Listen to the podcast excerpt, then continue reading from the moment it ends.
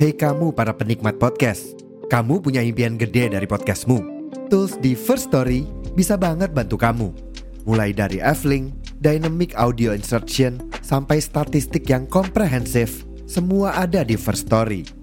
Gak ketinggalan, kamu bisa monetisasi podcastmu lewat iklan dari First Story Ads yang bisa kasih kamu penghasilan dari setiap place podcastmu. Yuk gabung sekarang dengan klik di firststory.me. Sekali lagi, di firststory.me. Mari kita bawa mimpi podcastingmu menjadi kenyataan.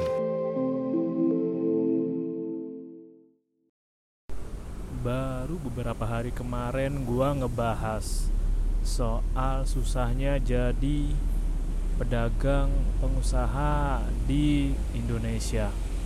Sekarang kejadian lagi. Terungkap malah kasirnya sendiri yang bikin usahanya itu rugi. Dan gua mau bahas.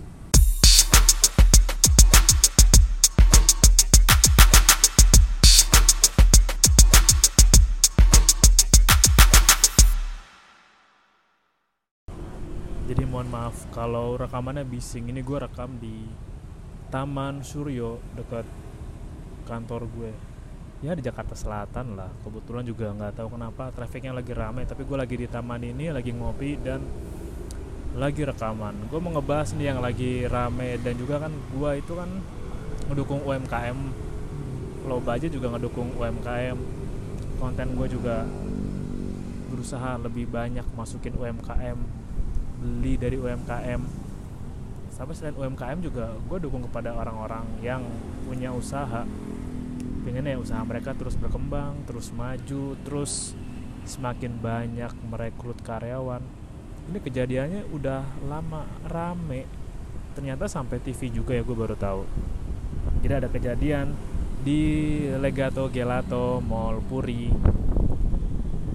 Kasirnya sendiri akhirnya ketahuan kalau tiga bulan terakhir dia ya ngambil lah ngambil pembayaran dari konsumen dialihin ke kiris pribadinya. Ya kita tahu bagaimana sekarang pembayaran dipermudah nggak pakai cash tapi pakai kiris. Kejadian juga kan belum lama yang soal kotak amal masjid. Kiris masjidnya diganti pakai kiris punya pribadi. Tapi kita nggak ke sana. Gue mau ngebahas soal iya karyawan ya dan itu usianya masih 19 tahun lagi 19 tahun kan lulus sekolah ya. Dia ngambil 3 bulan sehari 500 ribu. Ya estimasi lah. Udah diambil 45 juta.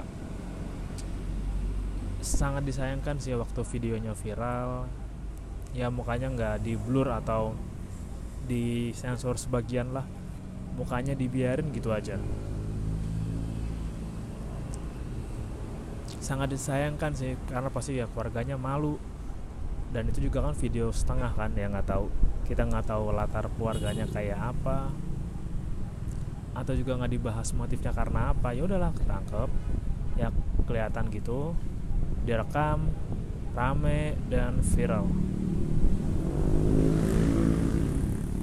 Iya sih gue juga kalau beli pakai kiris nggak sadar. Gue anggap itu juga HP dari tempat usahanya. Kayak kemarin gue beli roti O gitu kan di stasiun Palmerah ya udah ada dari HP kiris ya gue rasa juga kiris dari tokonya emang ada HP yang disediain buat kiris emang kadang orang nggak merhatiin. Ya atau bisa juga itu nama dari si owner jadiin kiris ya kita nggak pernah tahu lah. Gue sempet browsing tadi gue lihat di TikTok dan gue lihat kan ada di pos Banjarmasin TV waktu ya ada berita masuk berita sih Kaltim News atau Tribun News yang daerah Kalimantan gitu. Terus dibilangin ya so ada yang si cewek ini ketangkap terus ada komennya iya kak di tempat aku juga begitu untung ketahuan ada kedai apa gitu yang komen. Nah ini nih ini yang aduh gimana ya? Lo tahu kan betapa susahnya buka usaha di sini? Susah karena dana plus plusnya itu bukan hanya untuk operasional bukan untuk darurat tapi untuk tak terduga aja. Kayak kemarin gue bilang di episode gue yang lalu itu yang apa nih? Episode gue yang lalu yang gue bilang ada cerita dari teman gue ya jalan aja bisa disewain. Belum uang keamanannya ada uang hariannya belum juga ada dana untuk sosialnya sosialnya itu kayak dana. Ya kita mau party-party nih. Kita mau ada perayaan A perayaan B kegiatan-kegiatan B. Mintanya ke pengusaha-pengusaha. Ya memang sih. Nah ini ini ini masih nyambung juga sama yang kemarin. Gue nggak tahu apa yang salah di kepala orang-orang kita ya. Memang kalau orang usaha itu emang duitnya itu bisa lebih banyak jauh lebih banyak dari orang yang kerja. Emang tapi jangan lupa pusingnya mumpetnya juga jauh-jauh lebih ekstra dari orang yang ya kerja untuk orang lain atau kerja untuk sebuah instansi.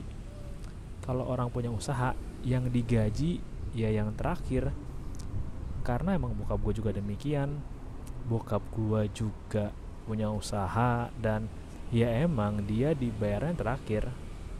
Setelah bayar untuk teknisi untuk menyanyi untuk pemain organ. Sisanya baru si pemilik yang terima dan kalau dibilang ya nggak apa-apa kali kak. Kan ada ya nggak apa-apa lah kak. Rugi segitu di Gelato lagi pula itu kan toko di mall toko gede. Ya nggak apa-apa kali. Nah pasti ada yang komen kayak gitu. Yakin gua kenapa? Karena waktu gua yang bahas di kemarin tuh yang kita ini tuh usaha bukan sedekah.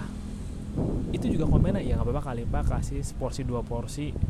Ya buat makan nama juga orang rantau atau apa. Ya bukan. Soalnya bukan di situ loh bukan. Bukan. Asli. Gue bisa tahu karena gue yakin yang komen tuh bukan orang yang berdagang bukan orang yang berniaga berwirausaha yakin gue misalkan oh aku nggak aku juga bertani kok kak. Nggak berdagang. Ya coba. Misalkan lu bertani lu bertani jagung dua hari tiga hari sekali ada yang ngambil 3 sampai empat jagung lu lu ikhlas. Kalau ikhlas bagus. Tapi kalau nggak ikhlas lu pasti kesel juga kan? Itu kan jagung buat dijual bukan buat lu kasih ke orang. Kalau kasih ke orang orang yang minta atau lu ya berbagi aja silakan nih. Gratis satu dua jagung per hari jatah atau satu jagung atau buat dua hari kalau mau ngambil. Ya kan? Bukan ini kan? Lu ngambil terus sudah kabur. Ya beda lah kalau misalkan tadi masuk ke pembahasan ya gelato kan tapi tokonya gede kak di mall. Ya lantas kenapa? Kan emang di mall kan juga biaya operasionalnya gede. Gaji karyawannya uang sewanya. Apalagi coba kayak mungkin kalau beli pakai ada loading docknya mungkin ya biaya bongkar muatnya. Uang oh, tadi listrik aku juga mungkin ada listriknya untuk biaya internetnya untuk biaya tak terduganya gaji karyawannya. Ada kalau sampai sudah ada PT gitu kayak ya rit bukan retail franchise yang udah ada PT ya untuk gaji karyawan secara resmi daftarin BPJS nya memang omset gede tapi itu kan naik turun nggak fluktuatif.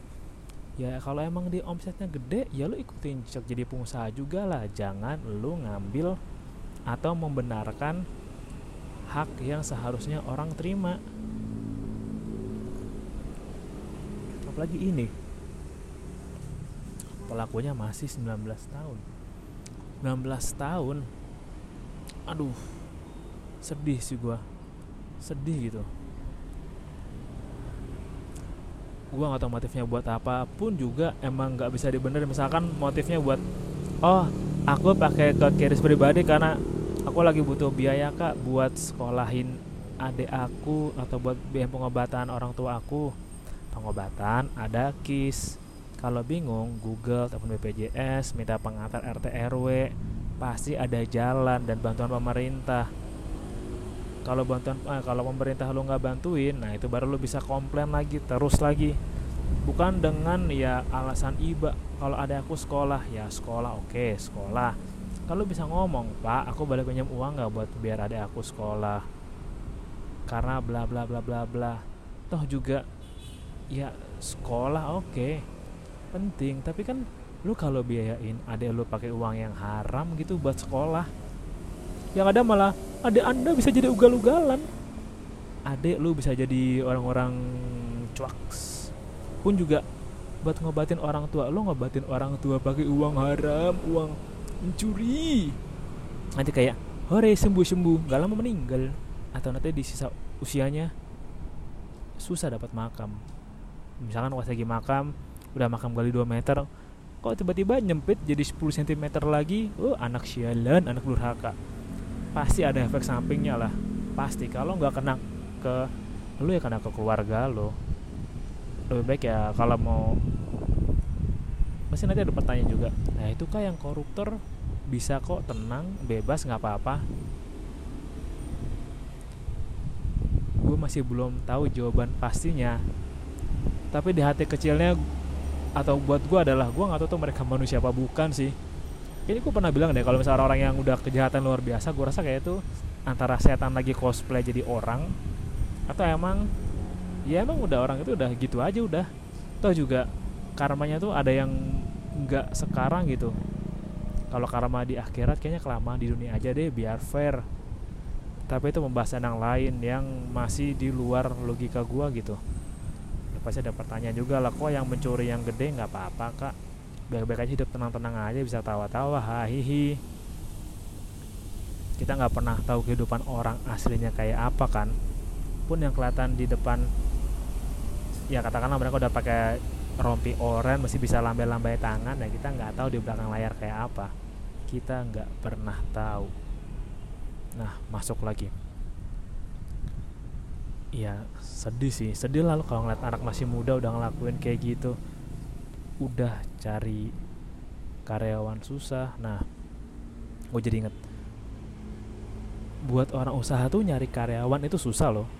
Buat orang cari kerja ya tempat kerjaan susah beneran. Karena gue kan pernah kerja untuk nyari karyawan kan. Gue tahu rasanya nyari karyawan itu sulit sulit. Nyari yang cocok sulit kayak nyari jodoh. Lebih sulit malah. Bukan masalah soal seumur hidupnya tapi soal ini akan berdampak satu yang dia lakukan berdampak sama banyak orang. Banget kayak efek domino gitu sulit lah tapi gue ya gue yang bisa gue kasih tahu nih. Oke gue tahu emang nyari karyawan susah. Susah lah nyari kerja juga susah susah. Susah tahu udah bikin usaha susah nemu karyawan modelan begini. Duh, sulit sulit. Karena bener gue setuju. Banyak bisnis atau usaha yang susah bertahan lama karena jadi orangnya sulit salah. Banyak lah dari cerita orang terdekat gua aja. Kalau misalkan lu punya kelebihan ya lu punya kelebihan uang lah lu punya uang yang lebih lu bikinin warung lu pengen usaha warung terus lu cari orang gitu buat jaga warung lu gue yakin itu warung gak bertahan lama. Yakin gue sangat yakin. Karena kenapa? Ya karena emang nyari orang tuh susah apalagi lu minta orang yang nggak lo kenal keterampilan juga lo nggak tahu. Orang yang dipercaya aja masih bisa bohong masih bisa nyuri uang gitu. Apalagi dikasih usaha gede suruh ngelola toko kelontong toko suruh ngelola warung. Ya tadinya buat modal diputerin buat belanja dipakai sendiri dulu. Apalagi kalau dipakai udah buat slot be susah udah susah makanya sih kalau emang lo mau wirausaha emang ya itulah jatuh bangun ya. Tapi seimbang sama hasilnya. Nah lo yang membenarkan yang suka benerin kayak ya nggak apa-apa kan dikit doang. Kayak nggak apa-apa kan cuma ngasih makan sekali dua kali. Ya nggak apa-apa lah kan itu sedekah kalau kayak ngasih makan orang yang nggak makan. Lo rasain sendiri jatuh bangunnya kayak apa. Lo rasain sendiri. Cari modalnya cari lapaknya merintisnya babat alasnya nanganin pelanggannya belanja modalnya ngitung pembukuannya. Mumet lo mumet. Gue juga pernah jualan kan gue pernah jadi kayak reseller kayak perangkat ya aksesoris gadget gitu. Kita bikin pembukuannya juga lumayan modalnya juga lumayan. Tapi memang saat itu price polish kenceng banget sih. Gue jualan waktu belum ada Tokopedia. Ya untungnya sih lumayan sih apalagi dari sananya. Itu juga rumit gue mesti nganterin barang ke pembeli dinego dulu kadang mesti packing dulu. Gue juga pernah ceritakan yang ya episode yang lalu apa yang ketika harga murah aja masih dinego yang pembeli nggak eh penjual nggak boleh untung. Nah itu kayak ya emang bukan untuk semua orang usaha. Tapi ketika usaha kita bisa membuka lapangan pekerjaan untuk orang iyalah karena kan emang kalau negara maju kan lu mesti punya pengusaha berapa ya? Gue ingat dulu. 5% apa ya? Nah kita tuh masih jauh banget dari situ masih jauh banget. Ya pengennya kan makin banyak kreatif ekonomi kan jadi kayak makin banyak ya makin banyak orang-orang yang mau bikin usaha nggak masih punya dagangan dulu tapi misalkan dia jadi kayak modelnya hmm, tim kreatif jadi kayak usaha-usaha ya sesimpel nyawain kursi itu ada tau. Ada tak usaha nyawain kursi buat foto-foto gitu buat camping-camping gitu ada. Nyawa-nyawain gitu. Nah atau mungkin kayak dia uh, jasa koordinator artis jadi dia kayak oh gue pernah kenal sih. Gue kenal gue kenal. Orang yang ini. Kerjaan dia itu jadi kayak broker atau yang ya penghubung lah kalau lo mau cari artis siapa di daerah apa. Misalkan gue punya gue kantor gue nih kantor gue lagi mau cari komika inilah nah hubungannya dia nih. Buat ngubungin lewat manajer komika itu jadi kayak brokernya lah. Gue terima bersihnya aja.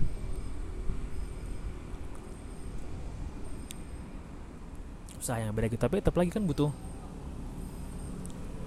butuh waktu tenaga biaya emosi. Ya kalau ya jangan iri lah sama orang yang udah berhasil jadi wirausaha. Jangan aduh sebel kali. Dan gue kasih tahu nih gue kasih tahu satu hal. Ini terjadi sama orang yang deket sama gue. Pun juga cerita dari orang yang deket sama gue.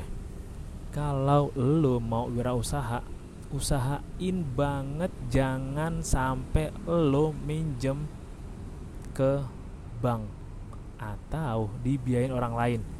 Resiko gagalnya tinggi tinggi. Apalagi ketika lo minjem di bank lo mesti bikin laporan yang rutin dulu lo mesti ngembaliin dengan dana juga. Karena ya kalau lo mau jalan usaha nggak bisa kayak yang bakar-bakar uang. Misalkan lo minjem ke bank mau usaha sosis bakar lo minjem 10 juta ya otomatis dengan 10 juta itu lo bisa balikin dengan rutin persekian per tiap bulan sekian belum ditambah dengan bunganya. Nah itu kalau lagi sepi banget lo bisa minus yang ada. Kalau lo nggak pinter banget lebih tinggi risiko lo untuk gagal. Makanya hati-hati banget kalau mau minjem ke bank. Pun juga dengan pinjol. Jangan sampai lu kalau mau buka usaha pinjam ke pinjol. Jangan. Asli. Lu kalau mau pinjam ke bank pastiin lu udah punya usaha yang yang oke okay, yang kuat. Jadi kalau satu usaha lagi lesu ada dua tiga usaha lain ya yang nge-backup yang cover usaha pertama ini. Jadi bank juga percaya dia bank bisa minjemin ke lu dengan angka yang bagus punya jaminan lo yang bagus dan cash flow lu aman.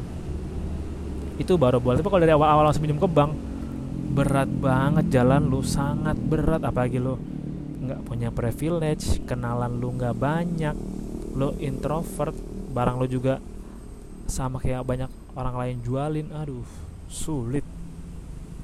Sulit yakin gua.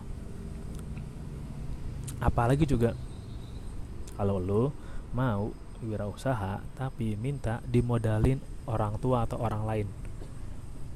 Itu lebih tinggi juga gagalnya. Kenapa? Karena karena itu bukan uang lo kepedulian lo nggak setinggi ketika lo ngeluarin itu dari dompet lo sendiri ya tapi kan uang orang bang kan tanggung jawab. Memang nggak semua cara itu untuk orang yang sama pun juga termasuk lo karena kan itu bukan uang lo lo nggak tahu jadi banyak dari uang itu.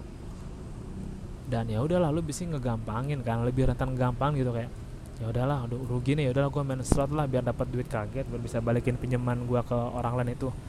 Dan juga pasti lo nggak begitu sungguh-sungguh nggak begitu totalitas karena sumber modalnya nggak dari diri lo sendiri. Meskipun untuk keinginan lo niat lo mimpi lo tapi kalau dari uang orang lain tantangannya berat sih. Lu butuh kapasitas yang tangguh kayak pendiri Tokopedia. Itu juga dari toko biasa dapat investor dimasukin investor akhirnya jadi berkembang sehebat sekarang itu juga perlu kemampuan yang luar biasa. Ngitung cash flow nyiapin dana daruratnya beh karena emang ya udah kalau misalkan apalagi lu apalagi ketika ada orang yang minta dibiayain untuk usaha sama lu. Jangan jangan pernah mau kayak kasih gua 10 juta sini gua modalin lu. Lu balik modal deh gua balikin 10 juta lu 6 bulan plus bunganya. Aduh jangan jangan mau itu keluarga mau itu temen deket. Sohib lu jangan. Kecuali usahanya udah jalan dulu lumayan oke okay, lu bisa lihat laporan keuangannya. Ada dan daruratnya kalau uang lu hilang atau raib tiba-tiba lo masih bisa nagih dengan asetnya dia ada hitam di atas putihnya datanya jelas. Nah itu baru lo pikir-pikir lagi untuk pertimbangin. Karena memang peluang lu untuk kecelek sama orang kayak gitu juga ada tapi resikonya lebih diminimalisir. Emang sering kejadian juga kok. Orang tua gue juga pernah jadi korban yang kayak gitu. Jadi korban ada pak sini pak invest di saya deh. 2 juta sekian saya bikinin ini ini ini gitu. Oke. Bulan pertama atau pesanan pertama oke dikirimin. Pesanan 2, 3, 4, 5 susah dihubungin lah alasan lah ini itulah lama-lama orangnya ngilang kabur pergi. Setelah ditelusurin be. Emang udah banyak bawa uang orang. Ya kan? Ya kalau emang lu nyari uangnya gampang sekelas lu tepuk tangan uang datang sih ya gak ya nggak masalah lah. Itu uang lu. Tapi kan banyak dari kita kan nyari uang itu menukarkan waktu tenaga pikiran emosi kita.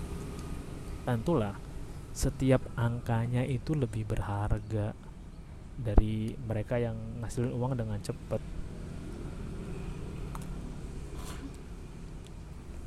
lo pikirin lagi deh kalau mau ngasih pinjaman ke orang lain sama ke seorang lain.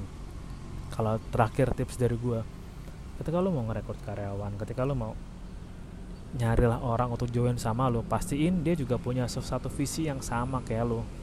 Dari usaha kecil mulai dari usaha kecil kok pasti juga lo bisa nangkep motif mereka kenapa mereka mau ngelamar di tempat lu? Motifnya aja kenapa mereka mau gabung jadi tim lu mengapa mereka tuh mau kerja sama lu? Apa yang mereka cari itu lu mesti gali sebaik mungkin dan sampai dalam mungkin. Karena memang ya kalau emang usaha lu bagus dia juga bisa bikin usaha lu naik hargain lah. Dan ya itulah aset karyawan yang berharga yang satu visi bisa naikin usaha lu bareng-bareng dan punya rasa kepemilikan tinggi itu baru aset dan itu harus lu rawat dan lu jaga. Pasti nemuinnya susah nggak gampang jatuh bangun lah. Tapi kalau udah nemuin karyawan kayak gitu lu jaga baik-baik. Dan kalau memang lu udah ngebaca tanda kayak karyawan tadi meskipun masih usianya muda ya nggak peduli backgroundnya apa tapi kalau udah kata mencurigakan lo mesti hati-hati dan lo mesti belajar untuk bertindak tegas. Gak apa dikat atau apa karena memang lo mesti menyelamatkan orang-orang yang ikut sama lo dan dia juga jadi belajar. Ya mungkin gak ngulangin lagi karena udah viral duluan dan jadi pembelajaran bahwa ya realita itu keras bos. Lo jangan macam-macam kalau lo nggak mau dihajar realita duluan. Yang lempeng aja Terima kasih udah dengerin dan sampai jumpa di episode berikutnya. Bye bye.